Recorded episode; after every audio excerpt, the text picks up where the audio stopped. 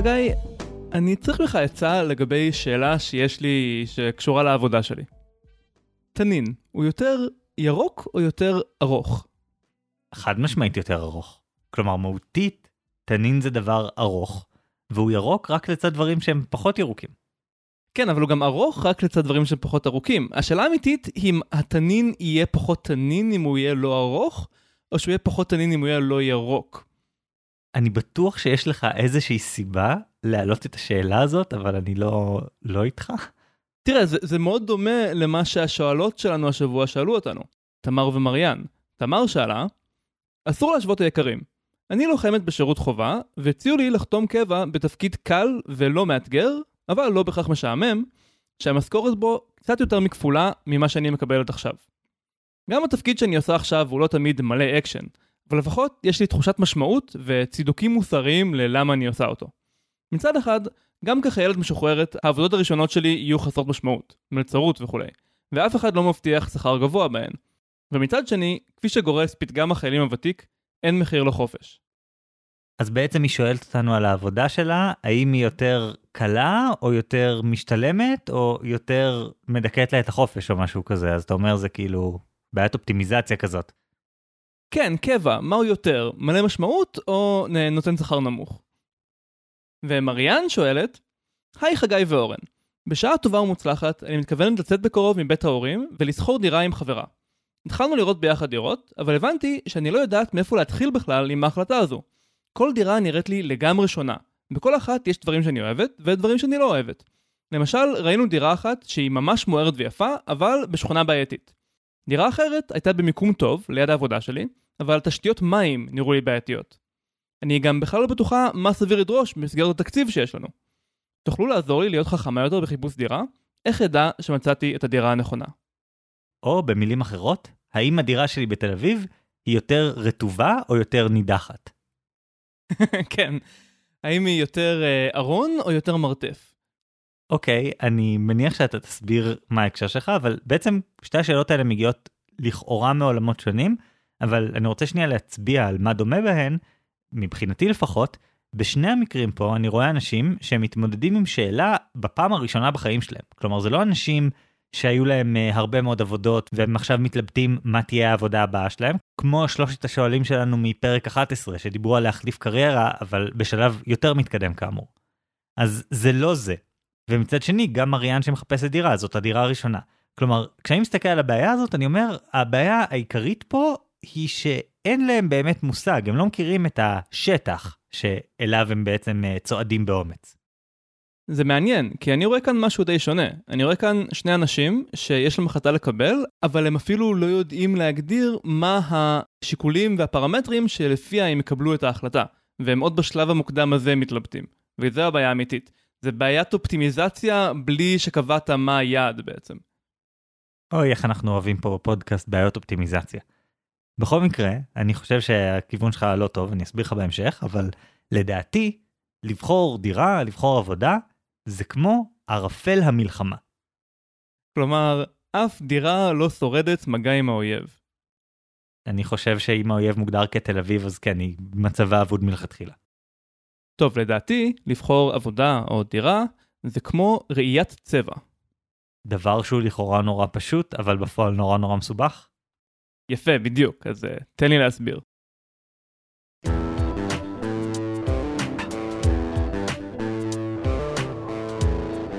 תמר ומריאן, העולם הוא מקום מאוד מורכב. כמעט כל החלטה שאנחנו צריכים לקבל מושפעת ממספר עצום של פקטורים ושיקולים, עד כדי כך שקשה לדעת מאיפה להתחיל. אבל אם נראה לכם שלכן יש הרבה עבודה כדי לקבל את ההחלטה הנכונה, תחשבו לרגע על המוח המסכן שלכן, שנמצא באותה דילמה ממש בכל שנייה של היום. מריאן, למשל, מתלבטת כרגע איזו דירה לסחור, שזו החלטה קשה, אבל לפחות יש לה די הרבה זמן בשביל להחליט. לעומת זאת, המוח של מריאן נמצא תחת מתקפה תמידית של החלטות מורכבות. כשהיא הולכת, המוח צריך להחליט איפה לשים את הרגל. כשהיא שומעת רעש פתאומי, המוח צריך להחליט לאן להסתכל. כל פעם שהיא מנהלת שיחה, המוח צריך להחליט באיזה ווליום לדבר. כל אחת מההחלטות האלה, שהמוח שלנו מקבל מבלי שאנחנו מודעים לכך, מושפעת גם היא ממספר עצום של פקטורים ושיקולים. כן, זה ממש ממש נכון. כלומר, אני חושב שלהעריך כמה קשה זה להחליט איפה לשים את הרגל כשדורכים, זה משהו שנתפס כנורא פשוט, אבל אם אתה מבלה אפילו כמה דקות בלהסתכל על תינוק מנסה ללכת, לעשות את הצעדים הראשונים שלו, אתה פתאום מבין ממש מהר כמה זו פעולה מסובכת, כמה היא צריכה לחייל המון המון המון גורמים ביחד. כלומר, להבין איך המון המון מידע משתלב אל תוך ההחלטה האחת הזאת. כן, בדיוק. המוח צריך uh, לשמור על האיזון שלנו כדי שלא ניפול. הוא צריך uh, לראות את הזווית של המשטח כדי להחליט איך לדרוך עליו. צריך לשים לב לחפצים שאולי בטעות נדרוך עליהם, וחפצים שמתקרבים אלינו וצריך לתקן כיוון כדי שנעקוף אותם. צריך אה, להחליט באיזה מהירות אנחנו רוצים ללכת מבחינת האנרגיות שלנו ומבחינת לאן אנחנו הולכים. לנו זה אולי מרגיש אינטואיטיבית כאילו הרגל שלנו סתם שם את עצמה איפשהו. אבל בסופו של דבר מישהו צריך להרכיב את האותות העצביים ולשלוח אותם לשריר כדי שהרגל תעשה את התנועה הנכונה שמביאה אותנו לאן שצריך. אני חושב שאם אתם רוצים לנסות להזדהות עם כמה ההחלטה הזאת מורכבת וכוללת המון שיקולים שונים, תיזכרו בפעם שפספסתם מדרגה, כלומר שחשבתם שיש עוד מדרגה בזמן שעליתם או עוד מדרגה בזמן שירדתם, ואז חוויתם את התחושה הזאת של או לטרוק את הרגל שלכם ברצפה נורא חזק, או לדרוך באוויר, או כל מיני דברים כאלה, ותבינו מה בעצם הגוף שלכם ניסה לעשות לעומת מה שהוא עשה בפועל, וכאילו ההבדל הקטנטן הזה של 15-20 סנטימטרים של גובה שהגוף שלכם חישב, זה כל כך מוציא מאוריינטציה. בדיוק. אבל אני רוצה להתמקד עכשיו במשהו אפילו יותר בסיסי מזה.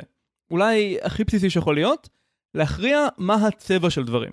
אנחנו רואים עולם, ואנחנו צריכים להבין על דברים שונים מה הצבע שלהם. אז בחוויה שלנו, לכל חפץ או לכל חלק מחפץ, יש צבע מסוים. צפרדע היא ירוקה, עגבנייה היא אדומה וכולי. אבל המציאות היא יותר מורכבת. העין שלנו קולטת מכל נקודה במרחב, לא איזשהו ערך בודד שאפשר לקרוא לו צבע, אלא ספקטרום רציף. זאת אומרת, אור מגיע באורכי גל שונים, ובעיקרון אנחנו רואים אורך גל קצר יותר בתור כחול, אורך גל בינוני בתור ירוק, ואורך גל ארוך בתור אדום. ומעבר לתחום הזה יש את האורכי גל שאנחנו לא רואים, יש את האולטרה סגול והאינפרה אדום וכל זה. אוקיי, אז בעצם מה שאני זוכר בערך משיעורי פיזיקה זה שאור פוגע בחפץ, ואז החפץ מחזיר רק חלק מהאור, ואז אם הוא מחזיר רק אורכי גל ארוכים יותר, שזה אדום, אז אני רואה אדום. עד כאן נשמע לי לא כזה מורכב, כלומר גם אני זוכר, יש בתוך העין מנגנונים כאלה שכאילו הם uh, מתפרקים מאורכי גל שונים, משהו כזה. אוקיי, מה... בוא תסבך את העניינים. זהו, אנחנו לא מקבלים מחפץ אדום רק אדום ומצפרדע רק ירוק. מכמעט כל חפץ אנחנו מקבלים את כל הצבעים, את כל אורכי הגל, אבל בכמויות שונות. זה יוצא מין עקומה כזאת, כמו עקומת פעמון, אבל בצורה קצת שונה. נניח צפרדע נראית לנו ירוקה בגלל שהשיא של העקומה הזו הוא באזור הירוק.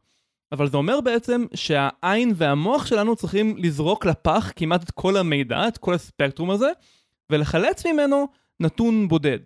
אחרת מה שיקרה זה שכל העולם יראה לנו רב צבעוני כזה, כל חפץ יראה לנו קצת כחול, קצת ירוק, קצת אדום, קצת צהוב, קצת כתום, ולא נוכל למצוא את עצמנו.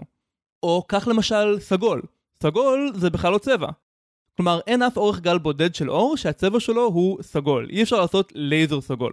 סגול זה מה שהמוח שלנו מאבד כשהעין מדווחת לו שהיא רואה עקומה שהיא בעצם בצורת קערה.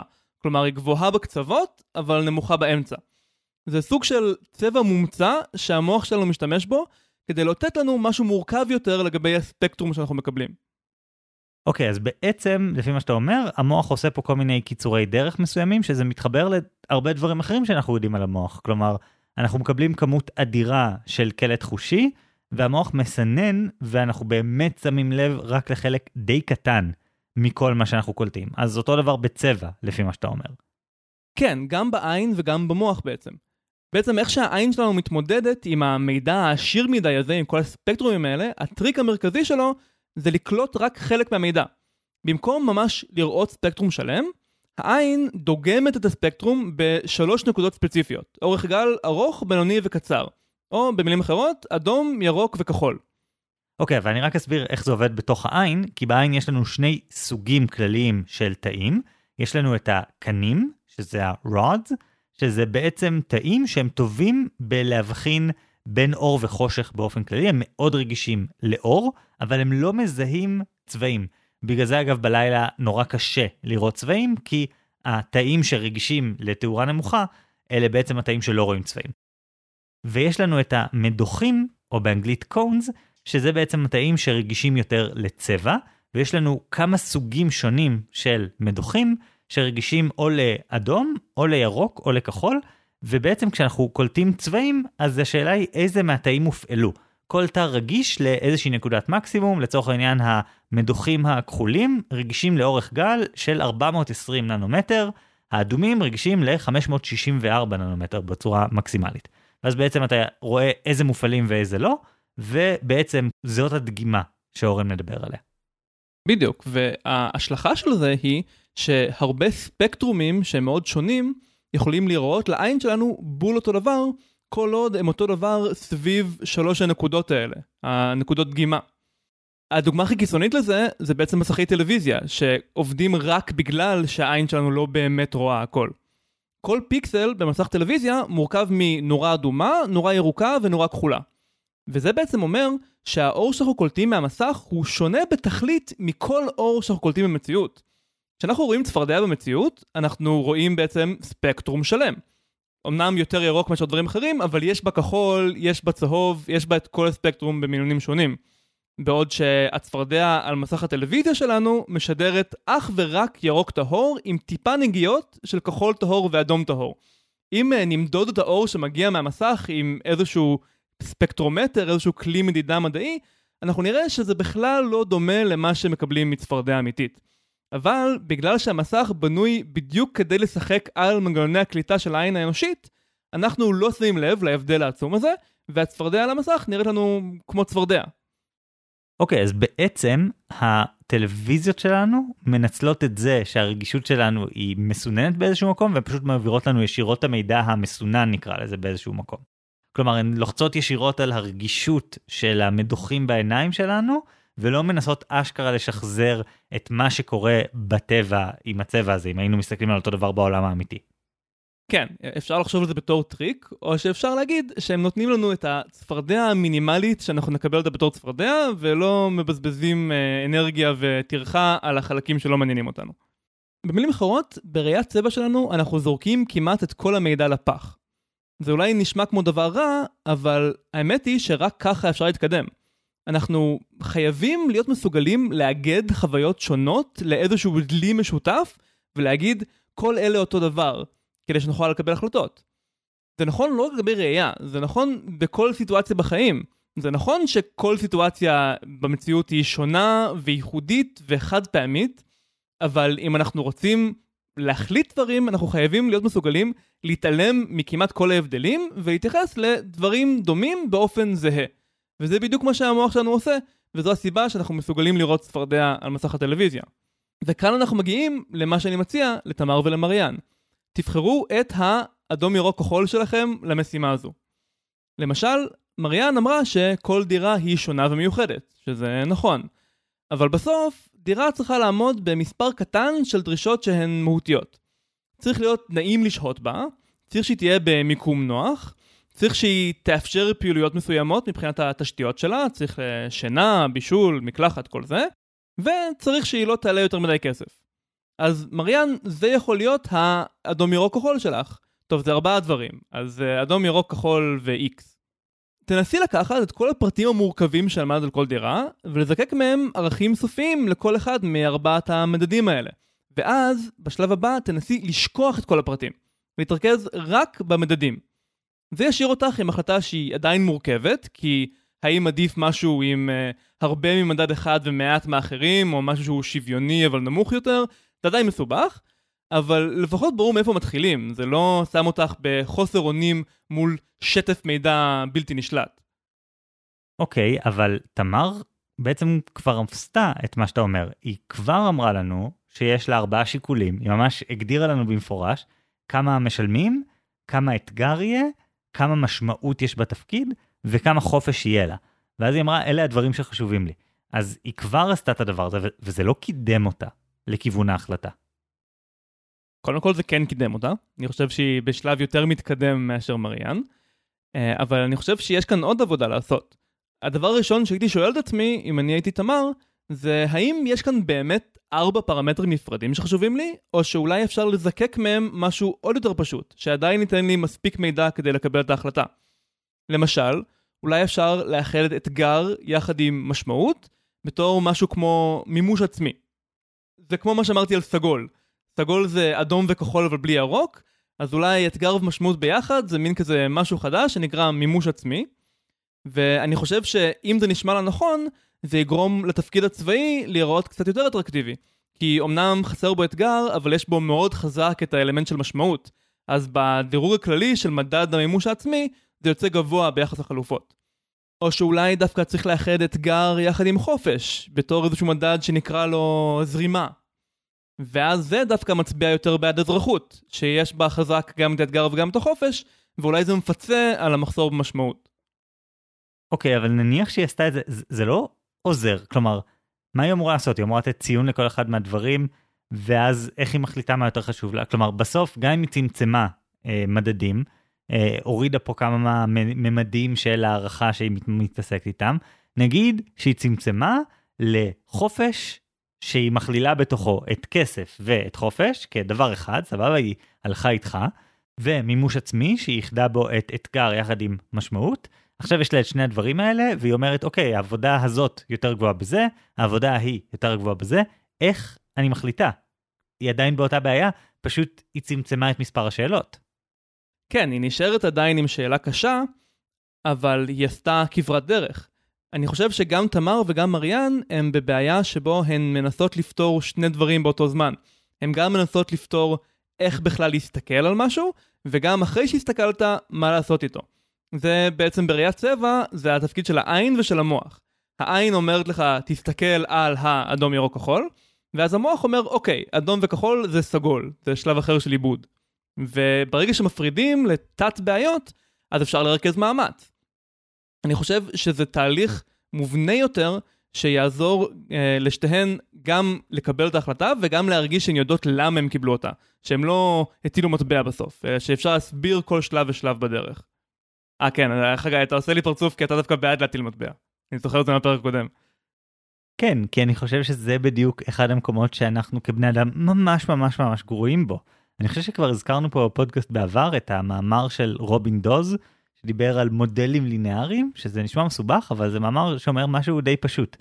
אם אתה מנסה לפתח איזשהו מודל כזה שעוזר לך להכריע איזה דירה לקחת, איזה עבודה לקחת, איזה בן אדם לקחת לעבודה, כל, כל דבר כזה שבו אתה עושה מיון כלשהו, על בסיס מספר קריטריונים, אז מסתבר שבני אדם ממש ממש גרועים בזה. הדרך לעשות את זה היא לאסוף מלא מלא מלא מידע, לבדוק מה מנבא הכי טוב הצלחה, או התלהבות מהדירה, או אושר במקום עבודה, או whatever, ואז להבא לתת לדבר הזה יותר משקל.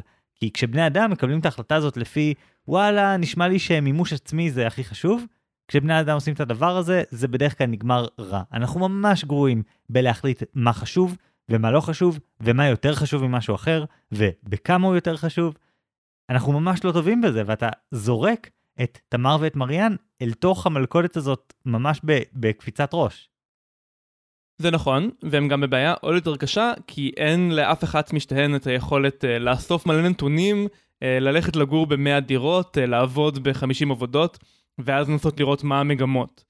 אז בסופו של דבר, כל החלטה שהן תקבלנה, גם אם זה בצורה יותר מובנית כמו שהצעתי, זה עדיין יכלול הרבה אינטואיציה והרבה שיקול דעת שקשה להסביר אותו.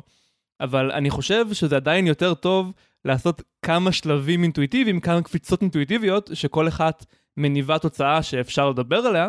למשל, להחליט שלא באמת חשוב לי אתגר, אלא חשוב לי מימוש עצמי, שזה אתגר פלוס משמעות. ההבניה הזאת עוזרת לנו לקבל החלטות שהן יותר נכונות, אפילו אם זה לא נכון לפי איזשהו מדד סטטיסטי בצורה שאפשר להוכיח אותה. אתה יודע מה אורן, אני חשבתי שאתה תיקח את המודל הזה כש, כשהתחלת להסביר אותו לאיזשהו מקום קצת אחר. כאילו למקום הזה שבו אתה אומר, אתן חושבות שמה שאכפת לכם ממנו זה חופש, או כסף, או אתגר, או משמעות, או כל מיני דברים כאלה, אבל אלה בעצם אה, ארטיפקטים, זה כמו סגול, זה לא דבר שבאמת קיים. אם תשאלו את עצמכם איזה שהן שאלות, אתם דווקא תוכלו לפרק את זה לחלקים יותר קטנים, ולזהות את הדבר שבאמת אכפת לכם ממנו. ואז משם אתם תוכלו להגיד, אה, ah, הנה, לדירה הזאת באמת יש את הדבר. או לעבודה הזאת יש את הדבר. ואז יכול להיות שזה מה שהן צריכות לקחת מהמודל שלך, לא לנסות דווקא לכמת את הכל ולעשות uh, מה שנקרא הורדת מימדים בעולם של data uh, science. Uh, שהן לא ינסו לעשות את, ה, את הדברים האלה, לצמצם ולשפר את המדידה ואת היכולת שהן לאמוד את הערך האמיתי של whatever. אלא להפך, שינסו באמת להבין מה, מה חשוב להן, שינסו באמת לזרוק יותר דברים, ושיבינו שבעצם מה שחשוב להם זה אולי לא מה שנראה להן שחשוב להן. אני פשוט חושב שמה שאתה מדבר עליו יותר מתאים לאנשים בשלב יותר מתקדם. כאן מדובר על מישהי שחושבת על העבודה הראשונה שלה אחרי צבא חובה, ומישהי שחושבת על הדירה הראשונה שלה אחרי שהיא יוצאת מבית ההורים. אני לא חושב שיש להם את היכולת להפיק את התובנות ברמה הרבה יותר גבוהה שאתה מדבר עליהן. כמובן שזה חשוב, ויש דברים שהם uh, פחות קונקרטיים מאשר uh, האם אפשר להתקלח שם בלי שתהיה דליפה, שהם חשובים בדירה. אבל חייבים קודם להיחשף קצת לדירות. אני חושב שבפוזיציה של תמר ומריאן, לעשות רשימה בסיסית יותר, ואז קצת לחשוב עליה ברמת אבסטרקציה שהיא לא ממש הדירה או העבודה הספציפית, אבל לא יותר מדי רחוק, זה הנקודה הנכונה בשבילן. זה מאפשר להם לקבל החלטות, ואחרי שיהיה להם קצת ניסיון עם דירות, אולי יהיה להם יותר קל להגיע לאיזשהו אה, פקטור X כזה, שהוא טיפה יותר רחוק. אורן, אני קצת מסכים איתך, זה קשור לזה שגנבת את אחת העצות העיקריות מהמודל שלי. ובסדר, אני עוד רגע אסביר, אבל אתה צודק, יש פה איזושהי בעיה, ודווקא בגלל זה אני חושב שהגישה שלך מנסה לפרק משהו להרבה חלקים קטנים, ואז להרכיב אותם מחדש בדרך חדשה, כשאין לא לתמר ולא למריאן את הכלים לעשות את זה בצורה יעילה. ודווקא בגלל זה אני חושב שזה לא בדיוק מה שהולך לעבוד.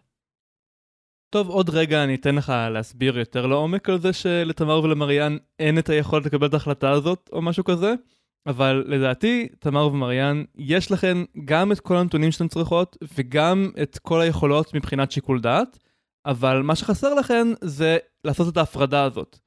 לאבד את הנתונים לאיזושהי צורה שאפשר לעבוד איתה, ואז לקבל את ההחלטה על בסיס רק הדברים הרלוונטיים, ולא לנסות להתמודד באותו זמן עם כל מה ששמתם לב אליו לגבי הדילמה שלכם. אני חושב שאם תעשו את זה, תוכלו להגיע להחלטה שתהיו שלמות איתה. אולי היא לא תהיה מיטבית, כי בכל זאת כל הסיפור הזה חדש לכם, אבל אתם תדעו בדיוק למה עשיתם את זה, ולא תהיה לכם סיבה להתחרט.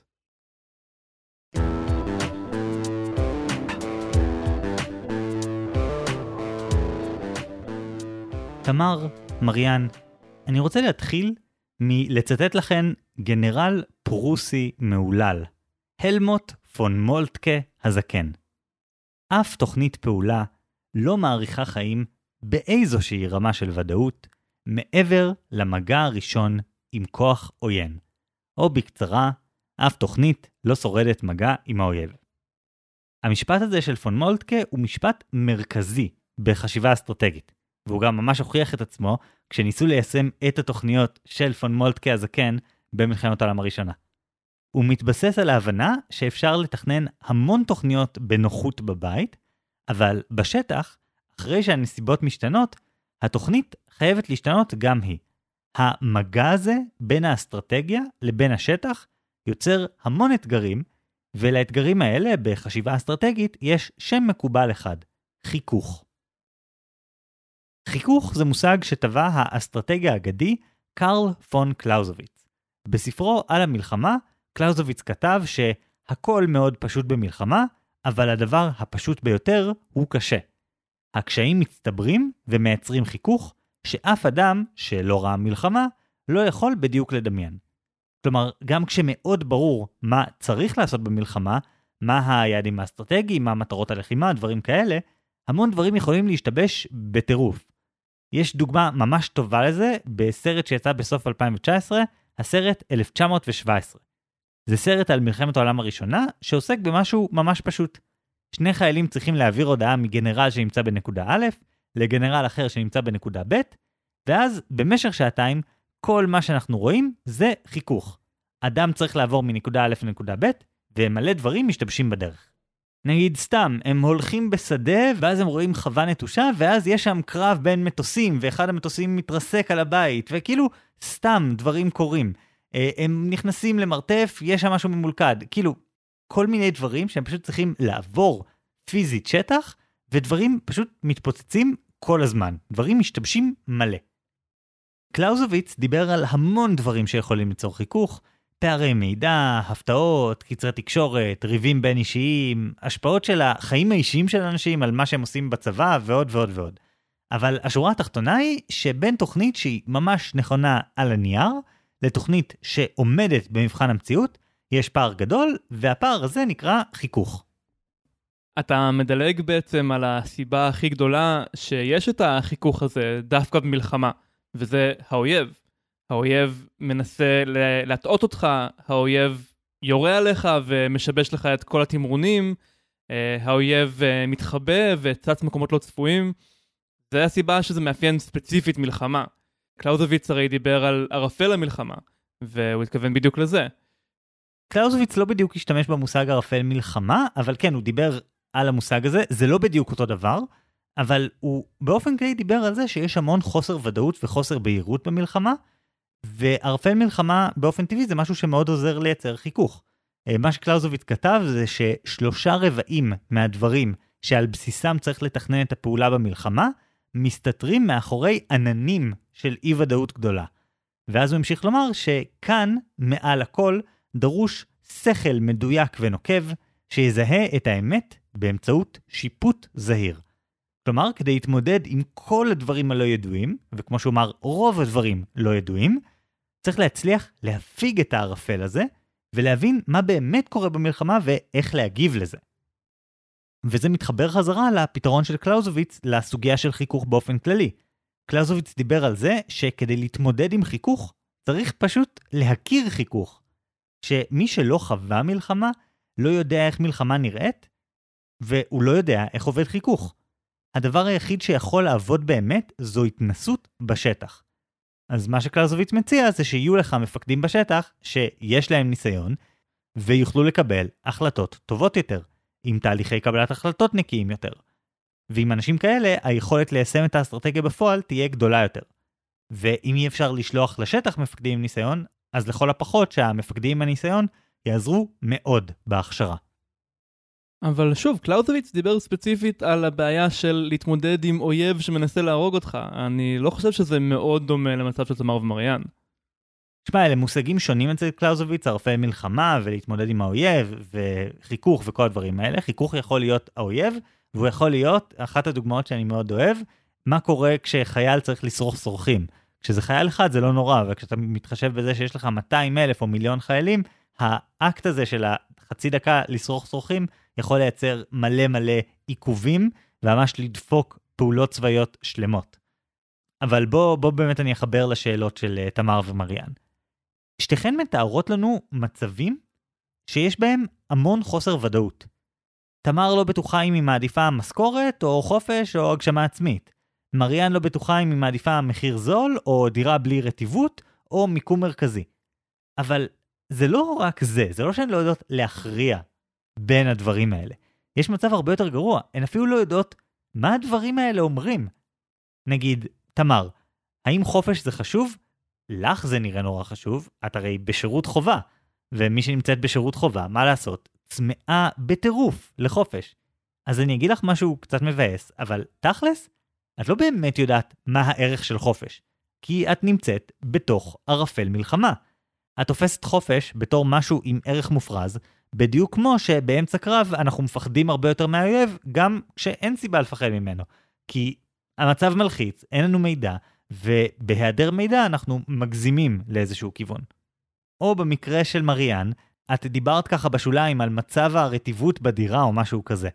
כאילו, זה דבר שבטח בדירה ראשונה את אומרת, נו, בסדר, זה רק חדר אחד וזה לא כזה נורא, אבל אנשים שאשכרה גרו בדירות שיש בהן בעיות רטיבות, יודעים כמה זה יכול לחרפן, וממש להפריע לחיים וכל מיני דברים כאלה.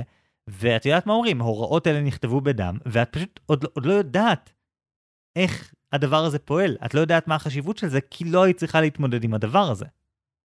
כאן אנחנו חוזרים למה שהפריע לי במה שאמרת קודם, שאתה בעצם אומר שתמר ומריאן לא מסוגלות לקבל החלטה טובה כרגע.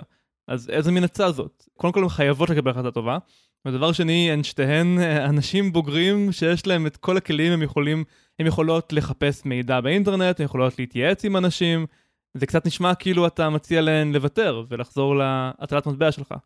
לא בדיוק, בוא, בוא שנייה אני אסביר.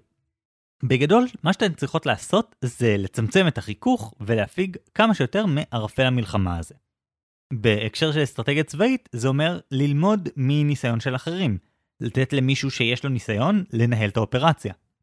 אה, להפעיל כוחות מודיעין כדי לקבל תמונה כמה שיותר מדויקת על מה שקורה בשטח. אז במקרה של תמר, זה קודם כל להכיר בזה שהמשוואה שיש לך בראש כרגע של חופש ומשמעות ואתגר וכסף, היא לא ממש מדויקת. אז תתחילי לאסוף מידע. אולי תנסי לבקש חופש קודם לפני שאת מחליטה על הקבע, ואז את תדעי קצת יותר מה הערך של חופש עבורך. הרי כל ילד בתיכון יודע שבתחילת הקיץ אנחנו תמיד ממש רוצים וצריכים חופש, אבל בסוף הקיץ כבר די מיצינו, ואנחנו רוצים לחזור למסגרת כלשהי. אלא אם כן אנחנו יודעים ליצור לעצמנו מסגרת.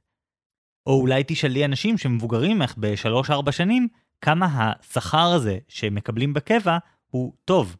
כי יכול להיות שהוא לא כזה טוב, יכול להיות שהוא נראה לך טוב כי את מגיעה ממשכורת של חיילת בצבא חובה.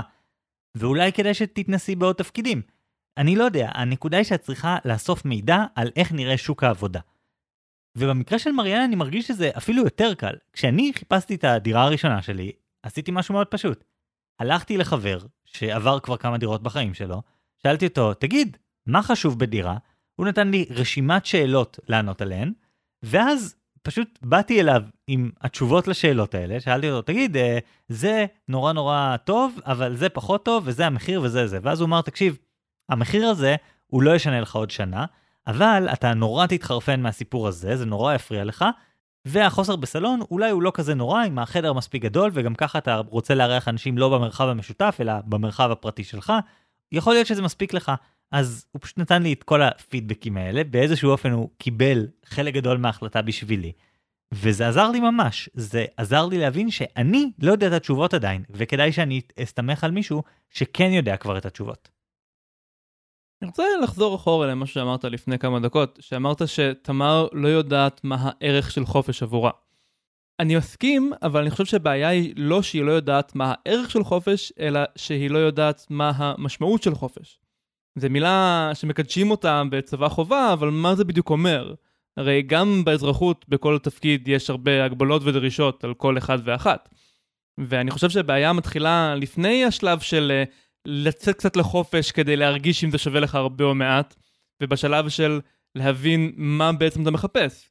כי תמר לא מחפשת חופש, זה אבסטרקטי מדי. היא מחפשת אולי את הזכות ללבוש מה שהיא רוצה, או להרגיש בנוח. אולי היא מחפשת uh, יותר ימי חופש או משהו כזה. העבודה כאן החשובה היא במה שאני הצעתי, לנסות לפרק לגורמים מה ספציפית חסר לה, מה ספציפית היא רוצה, ואז היא תדע אם באמת היא רוצה לעזוב את הצבא, אם זה ייתן לה את מה שהיא מחפשת. אני מסכים לגמרי, ואני חושב שחלק מהבעיה של תמר ומריאן זה חוסר היכולת לעשות את הדבר הזה, כי כדי לדעת איך לפרק משהו כזה מורכב לחלקים קטנים שאתה יודע למדוד ולהעריך, זה משהו שדורש ניסיון. אין לאף אחת מהן את הניסיון. מריאן לא מכירה מספיק דירות, היא לא גרה בדירות, היא לא יודעת איך זה מרגיש לגור בדירה. לא טובה, לגור בדירה כן טובה. תמר לא יודעת מה זה כסף טוב, כי היא עדיין חיילת, אז היא עוד לא יודעת כמה היא יכולה להרוויח בחוץ. נגיד, מלצרות זאת עבודה שיכולה להיות נורא מתסכלת, אבל האמת שגם יכולה, תלוי איפה היא ממלצרת, להיות עבודה די משתלמת, עם טיפים ודברים כאלה, אולי לא בתקופת קורונה. הנקודה היא שהן לא יודעות, ואתה אומר להן לפרק משהו שהן אפילו לא יודעות לאיזה חלקים לפרק, שימצאו מישהו מנוסה יותר, ואז כשהן ימצאו מישהו מנוסה יותר שמבין יותר, ויסתמכו על טיפים ממנו, אז ברגע שהם יעשו את הדבר הזה, פתאום מישהו אחר יוכל לפרק את הבעיה באופן שלהן אין אפילו את היכולת לנסות לעשות. אני חושב שבאופן כללי, יש לאנשים נטייה לעשות כל מיני טעויות בעולם הזה של לקבל החלטה באיזשהו עולם חדש מבחינתם, בעבודה ראשונה או דירה ראשונה. נגיד הם מחפשים להתחיל ישר מעבודת החלומות שלהם, משהו שהוא בדיוק בדיוק בדיוק מה שהם רוצים. זה, זה קרה לי באופן אישי. כשאני סיימתי את התואר השני שלי, הייתה לי הזדמנות לעבוד במשרה ממש ממש לא רעה, שאני פסלתי כי השכר לא היה בדיוק מה שרציתי, לא מה שדמיינתי שמגיע לי או שאני יכול להשיג. עכשיו, בדיעבד, דברים הסתדרו לי סבבה, היה לי הרבה צירופי מקרים שעבדו לטובתי, אבל כשאני מסתכל אחורה, לשנת 2012, אני אומר שההחלטה הזאת שקיבלתי, לא הייתה ההחלטה הנכונה לשעתה. אם אז הייתי הולך על העבודה הזאת, הייתי צובר ניסיון מאוד חשוב בתחומים שהיו יכולים מאוד לעזור לי. ייעוץ עסקי ובנקאות, שזה תחומים שאני ככה מכיר בקושי מהצד כיום, והיו דווקא יכולים לעזור לי בכל מיני פרויקטים שאני עושה. אבל חגי של 2012 הסתכל רק על המשכורת ועל המקום של העבודה, שזו הייתה עבודה בתל אביב שלא רציתי, ואז התמקדתי בדברים האלה, פסלתי את העבודה הזאת, וחבל, באיזשהו מקום, היה יכול להיות יותר טוב אם כן הייתי לוקח אותה.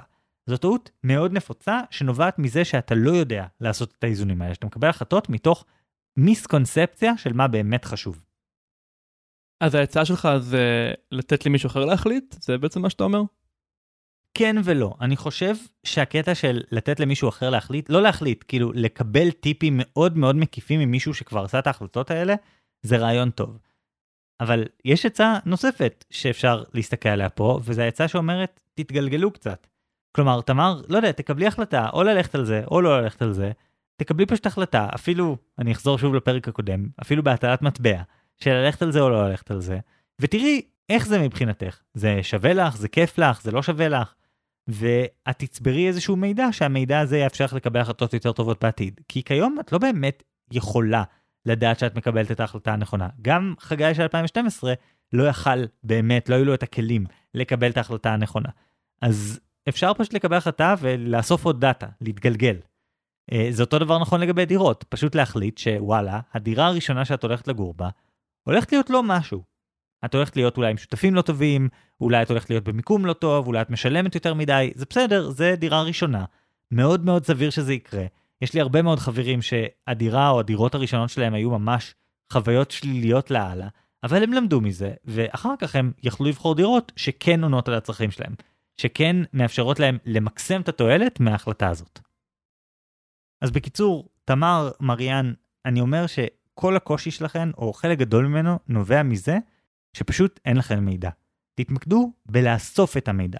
תתמקדו במודיעין, תתמקדו במפקדים מוכשרים אחרים שיעזרו לכם מהניסיון שלהם. תתמקדו בפשוט לצאת לשטח, לאסוף מידע, ואז לקבל החלטות מחדש ולהתאים את התוכניות שלכם.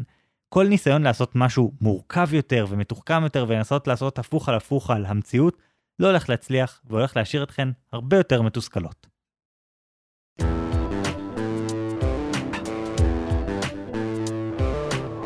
חגי, אתה קראת פעם את הספרון של ז'ון פל סרטר בשם האקסיסטנציאליזם הוא הומניזם?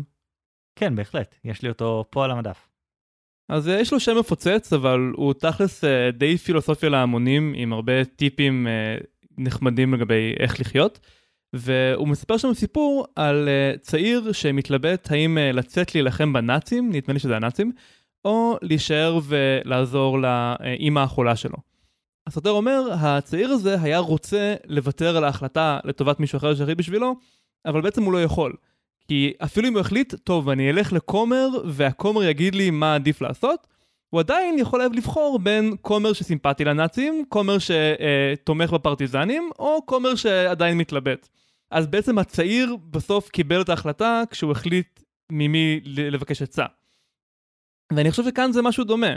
אתה אומר שתמר ומריאן צריכות אה, להיעזר באנשים אחרים, אבל איך הם החליטו במי להיעזר, או אפילו איך לנסח את השאלה שאותה הם ישאלו את הבן אדם האחר הזה. וכאן אני חושב שהעצה שלי הרבה יותר מועילה, כי אין להם מנוס מלהבין יותר לעומק מה הן רוצות, ומה באמת מבדיל באופן מהותי בין החלופות. אז גם אם בסוף הם יישענו מאוד על משהו חיצוני, הם יצטרכו, או עדיף שהם יעשו, את העבודה הזאת של אה, לחלק ל... נקודות קריטיות מרכזיות כמו אדום ירוק וכחול. אורן, אני חושב שהעולם די מוכיח שהרבה פעמים מהניסיון לעצור ולתכנן תוכנית מושלמת ולנסות לוודא מה בדיוק הכי חשוב לי ואיך למקסם בדיוק בדיוק את הדבר הרלוונטי, זה הרבה פחות יעיל מפשוט, מה שנקרא אצלנו בעולם המחקרי, לעשות פיילוט, לאסוף קצת נתונים, לראות מה קורה. ואחרי שאספת קצת נתונים, נכון, שילמת כסף, בזבזת זמן, דברים כאלה, אבל התובנות שיעלו לך יהיו תובנות הרבה יותר אמיתיות.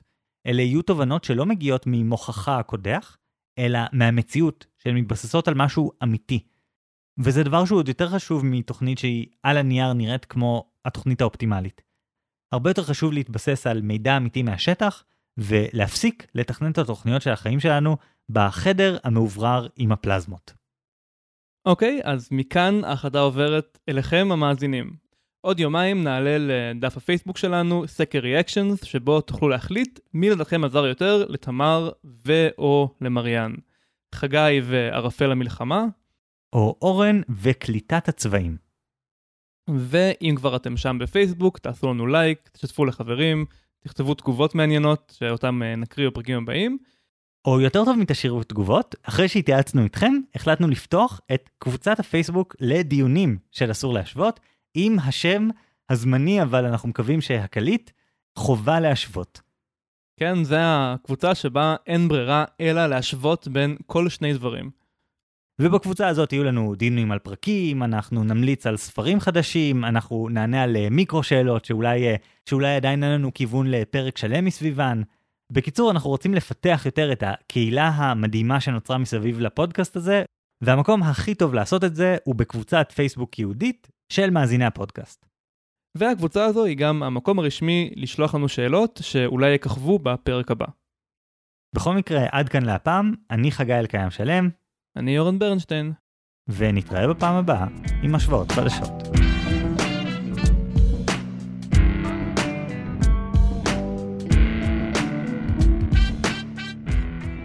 אז אחרי שבפרק הקודם היה תיקו מוחלט, 50-50 בינינו, ובפרק שלפניו היה לי את הניצחון הגדול ביותר בהיסטוריה של הפודקאסט, הפעם חזרתם לצד של חגי, 68% אה, הסכימו איתו, שכשהם מנסים להחליט איזה סרט לראות או לאן לצאת לאכול, אז אם קשה להחליט, סימן שהאפשרויות ממש קרובות, ואפשר ממש להטיל מטבע.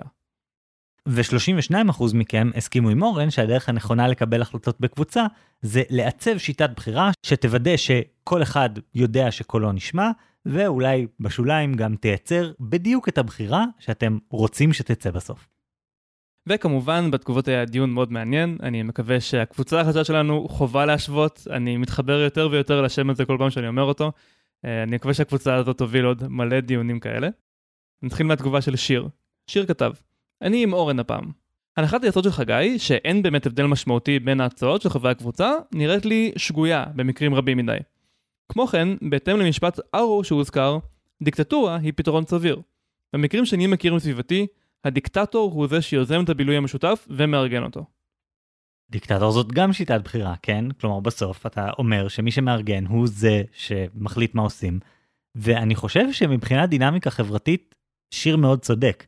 זה הדבר שיגיע להחלטה הכי מהר, עם הכי מעט ויכוחים, כי פשוט מי שיוזם מחליט מה עושים, זה, זה ממש קל לנו כבני אדם לציית לזה ולזרום עם זה. במיוחד במקרה של ערב סרט, שמישהו צריך לארח, אז זה מרגיש מאוד סביר לכולם שהמארח גם מחליט הכל. זה מתאים לנו לדינמיקה החברתית הרגילה. בדיוק. קיבלנו גם תגובה מעידו, אחד מהשואלים של הפרק הקודם, שאמר, נשמע לי שהשיטה של אורן רק תגרום עוד תסכול מתהליך הבחירה, וגם תהיה די מייגעת, ולכן הצבעתי לחגי. נראה אם אני אשכרה איישם את זה לגבי סרטים. נתראה בפרק השנה השנייה. או, איזה כיף שהוא זכר את זה, ובהחלט אה, נחזור אליו ונגלה מה הוא יישם ומה לא. אני לא חושב שהתהליך בחירה חייב להיות מייגע. המטרה שלי הייתה שזה יהיה פחות מייגע, כי יהיה תהליך מוגדר שנגמר מהר יותר. אני חושב אבל שהוא צודק שבפעם האחת שבה אנחנו מנסים להגדיר את התהליך, זה יהיה בלתי נסבל. ואגב, לקח שלמדתי בעבר, מאוד חשוב שאם מנסים לייצר תהליך כזה, חייבים לייצר אותו כשאין שום הכרעה קונקרטית על השולחן, כי אז לעולם לא תקבל את ההכרעה שאתה רוצה. אבל התהליך הזה הוא צודק שהוא יהיה מייגע, ו- ולכן אני לא מופתע שהוא נרתע ממנו. נמשיך לתגובה הבאה של מיכאל, שאמר, חגי, בעיקר כי לוועדות שמקבלות החלטות יש כישרון יוצא דופן להגיע לפשרה שתתברר כגרועה יותר לכולם מכל החלופות שהיו במקור. וואו, זה ממש נכון. מיכאל היה איתי בהרבה מצבים כאלה של ניהול עמותות וניהול ישיבות בעמותות וקבלת החלטות מהסוג הזה. הוא הבן אדם שנראה לי הכי למדתי ממנו את הכוח של לעצב את סדר ההצבעות כדי לייצר את התוצאה שאתה רוצה. ואם אתה לא עושה את זה, ואתה נותן להחלטות להתקבל בצורה לגמרי אורגנית, מאוד מאוד נפוץ שתתקבל איזושהי פשרה, ואז מיד אחרי שמתקבלת הפשרה הזאת, היא מיד תעלה להצבעה לבטל את הפשרה שהתקבלה, בהרבה מאוד מקרים אנשים פשוט יגידו, וואו, כן, זו הייתה החלטה מטומטמת, ויבטלו אותה על המקום. הייתי מיכאל ביותר ממקרה אחד בדיוק כזה. טוב, המזל כאן זה שזה לא שאפשר ליצור uh, סרט שיהיה פשרה בין כל הסרטים שכולם רוצים, או לצאת למסעדה שהיא חצי פלאפל, חצי קוויאר. אז אני חושב שהאיום הספציפי הזה הוא קצת יותר חלש במקרה הזה. כן, אבל עדיין יכולים להגיע לסרט שכולם די סבבה איתו, ואף אחד לא באמת יוצא נלהב ושמח מערב הסרט. בכל מקרה, התגובה הבאה של אסף. זו לא הפעם הראשונה שהבחירה היא בין אורן שאומר חייבים למצוא דרך אופטימלית להחליט, או שנידפק והחיים שלנו יהרסו לעד, לבין חגי שאומר זאת החלטה לא חשובה, ויותר חשוב להרגיש טוב עם עצמנו בסוף, מאשר לקבל את ההחלטה האופטימלית, אם בכלל יש כזו. בדיוק כמו בפרק על תכנון חופשה, ועוד כמה פרקים שבהם זה היה המסר. אני תמיד מרגיש בפרקים האלה, שאורן מדגיש את האפשרות הכי גרועה לכישלון. נלך למסעדה שאתה אלרגי לאוכל בה ואתה תמות. ועל אף שכמהנדס ואיש קר ומחושב בעצמי, גם לי יש נטייה כזו, אני חושב שהדרך לחיים מאושרים יותר היא הגישה של חגי. כאילו, כן, איזון בין הגישות, אין שחור ולבן, כל זה. אבל בסופו של יום, ברוב המקרים, הגישה של חגי תעשה אותנו מאושרים יותר בטווח הארוך, ולכן הצבעתי עבורו. אלא אם כן, תצא למסעדה שאתה אלרגי למשהו בה ותמות, ואז לא יהיה לך חיים מאושרים. כן, אבל שוב, אם אתה כל הזמן עובד לפי האופציה הגרועה ביותר, מה שבהכרח יקרה בסוף זה שאתה תסתגר בחדר מרופד וכל האוכל יגיע אליך בטייק אווי ואתה תעבוד בעבודה שלא דורשת ממך לצאת או להשתמש בחשמל. האמת היא שאסף מאוד צודק שזה קשור לעבודה שלי בתור מהנדס. אה, אני לאחרונה הייתי צריך להגדיר דרך אה, למדוד הצלחה של שינויים בקוד, והגדרתי שאם הופכים משהו גרוע לניטרלי, זה הרבה יותר חשוב מאשר להפוך משהו ניטרלי לטוב. כי בהרבה מקרים זה באמת המצב. שמספיק כמה דוגמאות גרועות, גם אם הם מיעוט מאוד קטן של המקרים, כדי שכל השינוי יהיה יותר מדי מסוכן ולא שווה את הטרחה. כן, זאת בעצם גישה שאומרת, אה, נו, השרשרת היא חזקה רק כמו החוליה הכי חלשה שלה, אז בוא נוודא שכל החוליות החלשות סגורות, ושאין לנו מקרי כשל קטסטרופלי. שזה נשמע לי מאוד נכון במקרים מסוימים, אבל כשהעלות היא לא כזאת גדולה, אז בטח שאין סיבה להתעסק בכל זה. נמשיך לתגובה של גיל, שכתב, אם אתה לא בטוח אם זה חשוב לך, גלגל קובייה, כשתראה את התוצאה, אתה תדע אם זה חשוב לך. זאת שיטה ממש ממש ממש טובה, כי הרבה פעמים אין לנו, כמו שאני אוהב לומר אלף פעמים בפודקאסט, אין לנו באמת גישה למערך השיקולים הפנימי שלנו, אנחנו לא באמת יודעים מה חשוב לנו ומה לא, ולכן בוא תעבוד על האם הרגע שלך אומר לך איזשהו משהו חזק, כמו בזמן שהקובייה מתגלגלת או בזמן שהמטבע באוויר, אתה מרגיש שאתה רוצה את אחת האופציות. כי אם אתה מרגיש שאתה רוצה את אחת האופציות, יאללה, לך על זה. זה טוב ויפה לכל אחד מהאנשים, אבל אני לא רואה איך זה עובד בקבוצה. נקודה טובה, נקודה טובה, אבל עדיין אני חושב שכשהקבוצה מגיעה למצב כזה שהיא אדישה בין כמה אופציות, או שמאוד קשה להחליט בין כמה אופציות, שזה אותו דבר מבחינתי, אז זה יעבוד באותה מידה, ואז יכול להיות שמישהו יגיד לא, לא, לא, בעצם וטו. כי אני לא מוכן שיהיה את הסיכוי שהסרט הזה או המסעדה הזאת ייבחרו. בהחלט שווה ניסיון. זה עוד דרך להתחמק מפרדוקס ארו, זה בטוח. והתגובה האחרונה להפעם, תגובה של נורית. נורית כתבה תגובה ארוכה שאני בוחר חלק ממנה להקריא. נורית כתבה, יש אנשים שהכיף שלהם זה להתווכח, יש אנשים שההתלבטות בין שפע אפשרויות עד רמה מסוימת זה חלק מהכיף בשבילם. הם מדמיינים את האפשרויות וכבר חווים אותן כך באופן חלקי. לפחות ככה אני כשאני קורא תפריט במסעדה ומתלבטת בין מנות.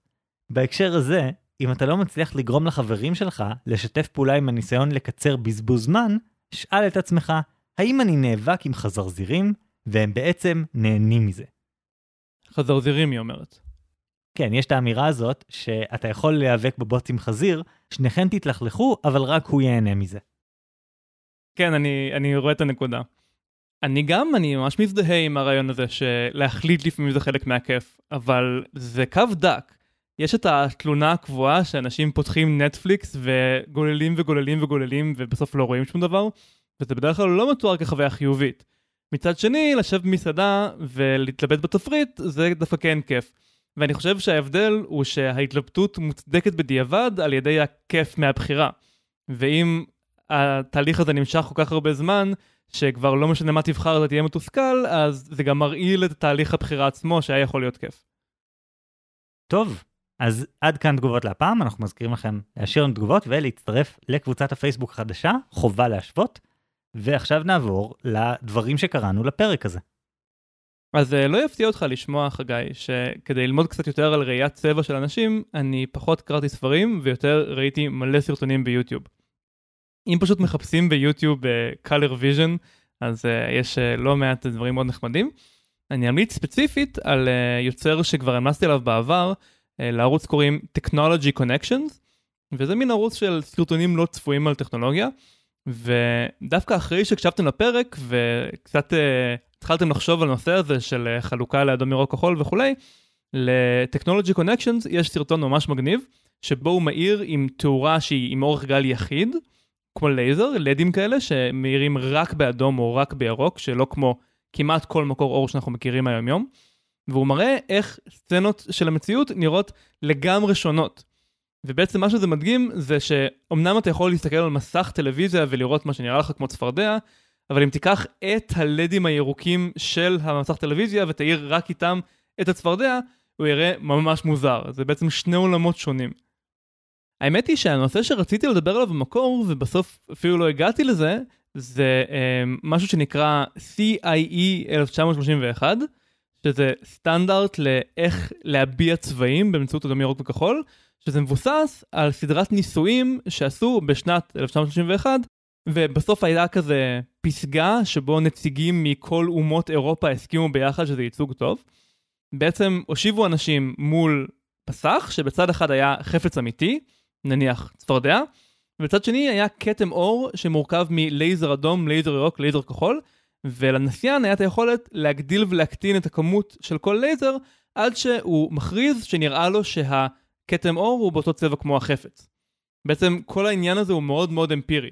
הניסויים מהם שעשו ב-1931 ממשיכים ומלווים אותנו עד היום, והם הבסיס לכל מיני דברים כמו JPEG ואיך בונים מסכי טלוויזיה ו- וכולי. ואם אתם רוצים לשמוע יותר על, על המתמטיקה של העניין הזה, וממש איך מגיעים ממישהו שמשחק עם לייזרים ועד אה, איך בונים טלוויזיה, אז אני אקשר גם לסרטון יוטיוב טיפה יותר ארוך, טיפה יותר אקדמי, שנכנס יותר לפרטים. זה תחום ממש מעניין וזה שוב מתחבר למשהו שאני ממש מוקסם ממנו כבר איזה שנה שנתיים שאני קורא על העניין הזה של בעצם כמה המוח שלנו מכווץ מידע משקר לנו כאילו שקרים אה, יעילים כאלה שעוזרים לנו לקלוט את המציאות בצורה יותר מדויקת באיזשהו מקום ובעצם מה שאנחנו רואים זה ייצוג לא באמת טוב של המציאות אבל זה כן ייצוג שעובד של המציאות. כן כאילו מה זה ייצוג טוב? אפשר להגדיר את המילה הזאת טוב רק ביחס למטרה מסוימת. והייצוג של המוח את הסביבה הוא מאוד מאוד טוב למטרות שלנו, או לפחות למטרות שהאבולוציה הקנתה למוח שלנו. אבל אם בוחנים את זה כמעט בכל עדשה אחרת, אנחנו נגלה שזה ייצוג מאוד גרוע, כי המוח שלנו מאוד סלקטיבי.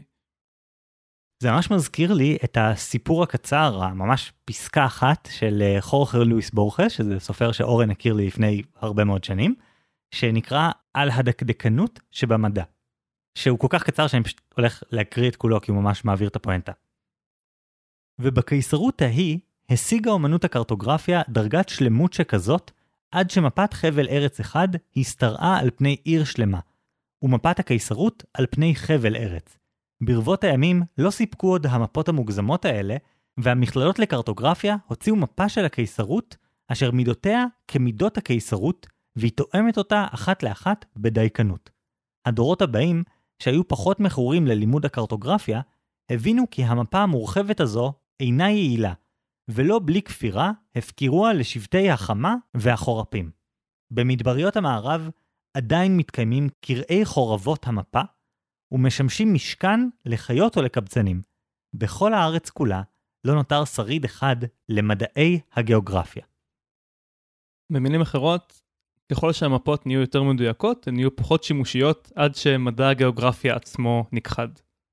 בדיוק, שזה באמת חשיבה מאוד נכונה באיזשהו מקום על זה ששוב, אי אפשר שמשהו יהיה, לא יקבץ מידע.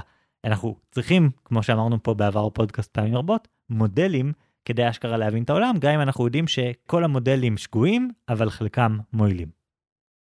כן, לבורכס יש גם uh, סיפור אחר שבו יש מישהו שלא מסוגל לשכוח, ולכן הוא לא מסוגל להבין מה זה כלב, כי כלב שרואים אותו מצד אחד שונה מכלב שרואים אותו מצד השני, וכלב לברדור שונה מכלב uh, פודל, והוא לא מסוגל לשכוח את ההבדלים האלה, ולכן הוא לא מסוגל לחשוב בצורה אבסטרקטית. כן, הבן אדם ממש הצליח לדייק באיזה שהן אה, אמיתות מדעיות או מטה מדעיות או משהו כזה.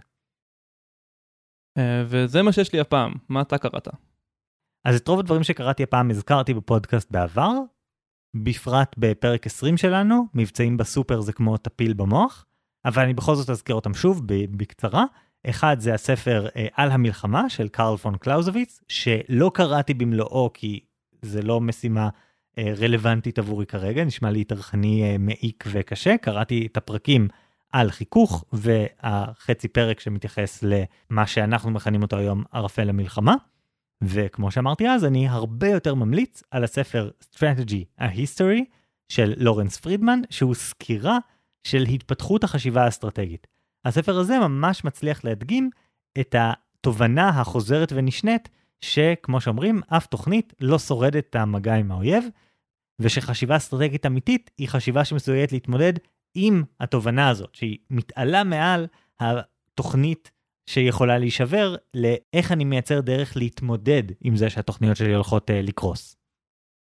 אני רק רוצה לציין שכשאני הייתי בבית הספר הקצינים בבה"ד 1, אז uh, אמרו לי שצבאות uh, במערב מתמודדים עם הבעיה הזאת על ידי זה שכל uh, דרג מוריד לדרג שמתחתיו את uh, כל הסמכות על איך לבצע את המשימה, ואומר לו רק מה לעשות, בעוד שצבאות מזרחיים, סובייטים וערבים מקובל שהדרג שנותן את הפקודה גם אומר בדיוק איך לבצע את המשימה. אני חושד שזה מיתוס ושזה משהו שסיפרו לנו בשביל שיהיה לנו גאווה אל מול האויבים שלנו, אבל זה גם מעניין לחשוב על uh, החשיבות של uh, להעביר את ההחלטה לדרג הנמוך יותר, כי הוא זה שבאמת יש לו את הניסיון והוא חווה את החיכוך והוא יכול להתאים את הפקודות למציאות בשטח. כן, ולא סתם הדבר הזה הזכיר לי את המאורע הזה מ-2006 שירדו על המטכ"ל של אה, מדינת ישראל. שהוא קיבל את ההחלטות מול הפלזמות בקריה, רחוק מאוד מהשטח, בלי לדעת שדברים הם uh, מאוד מאוד קשים בפועל. או מה שזה מזכיר לי כיום, את השורה האלמותית מהמחזמר המילטון, uh, שבה הקונגרס כותב לגנרל ג'ורג' וושינגטון, George attacked the British forces, וכמו שהמילטון או לין מנואל מירנדה שר בקטע הזה, I shoot back, we have resorted to eating our horses. כלומר, אתם אומרים לנו, תתקפו, תעשו, תלכו, אנחנו לא, אין לנו אוכל, כאילו, מה אתם רוצים מאיתנו? זה ממש המשמעות הכי מהותית של חיכוך, שנורא קל להגיד דברים מרחוק. כן, לגמרי. אני רק רוצה לציין שאם כן בא לכם לקרוא קלאסיקה של אסטרטגיה הצבאית, אז uh, במקום על המלחמה, אני ממליץ בחום לקרוא את אומנות המלחמה של סאן צו. Uh, אני לא זוכר אם הזכרנו את זה כאן בפודקאסט, אבל זה טקסט uh, הרבה יותר קדום, וגם ספר יותר קצר ויותר קריא. ואם אתם רוצים את הפאסון של להגיד שקראתם קלאסיקה של אסטרטגיה, אז uh, זה גם uh, חוויה שלא תתחרטו עליה בזמן הקריאה. אני חושב שהיא גם הרבה יותר מובנת ו- וניתנת ליישום באיזשהו מקום. קלאוזוביץ הוא טרחני, יש ויכוחים אדירים על תרגומים, כלומר שאומרים שהתרגום משנה את המשמעות ואי אפשר ללכת עם זה, זה ממש מתייחסים לקלאוזוביץ כמו התנ"ך. אז uh, יש ערך בלקרוא דווקא משהו אחר, ולא להיכנס לביצה הזאת שבה על כל טעות, ואני מנחש שניתקל בזה בתגובות לפרק הזה, יכולים לאכול לך את הראש אנשים שקראו את קלאוזוויץ בתרגום אחר ולהגיד לך מה פתאום, הבנת לא נכון. טוב, זהו להפעם. אני אורן ברנשטיין. אני חגי אלקיים שלם. ביי.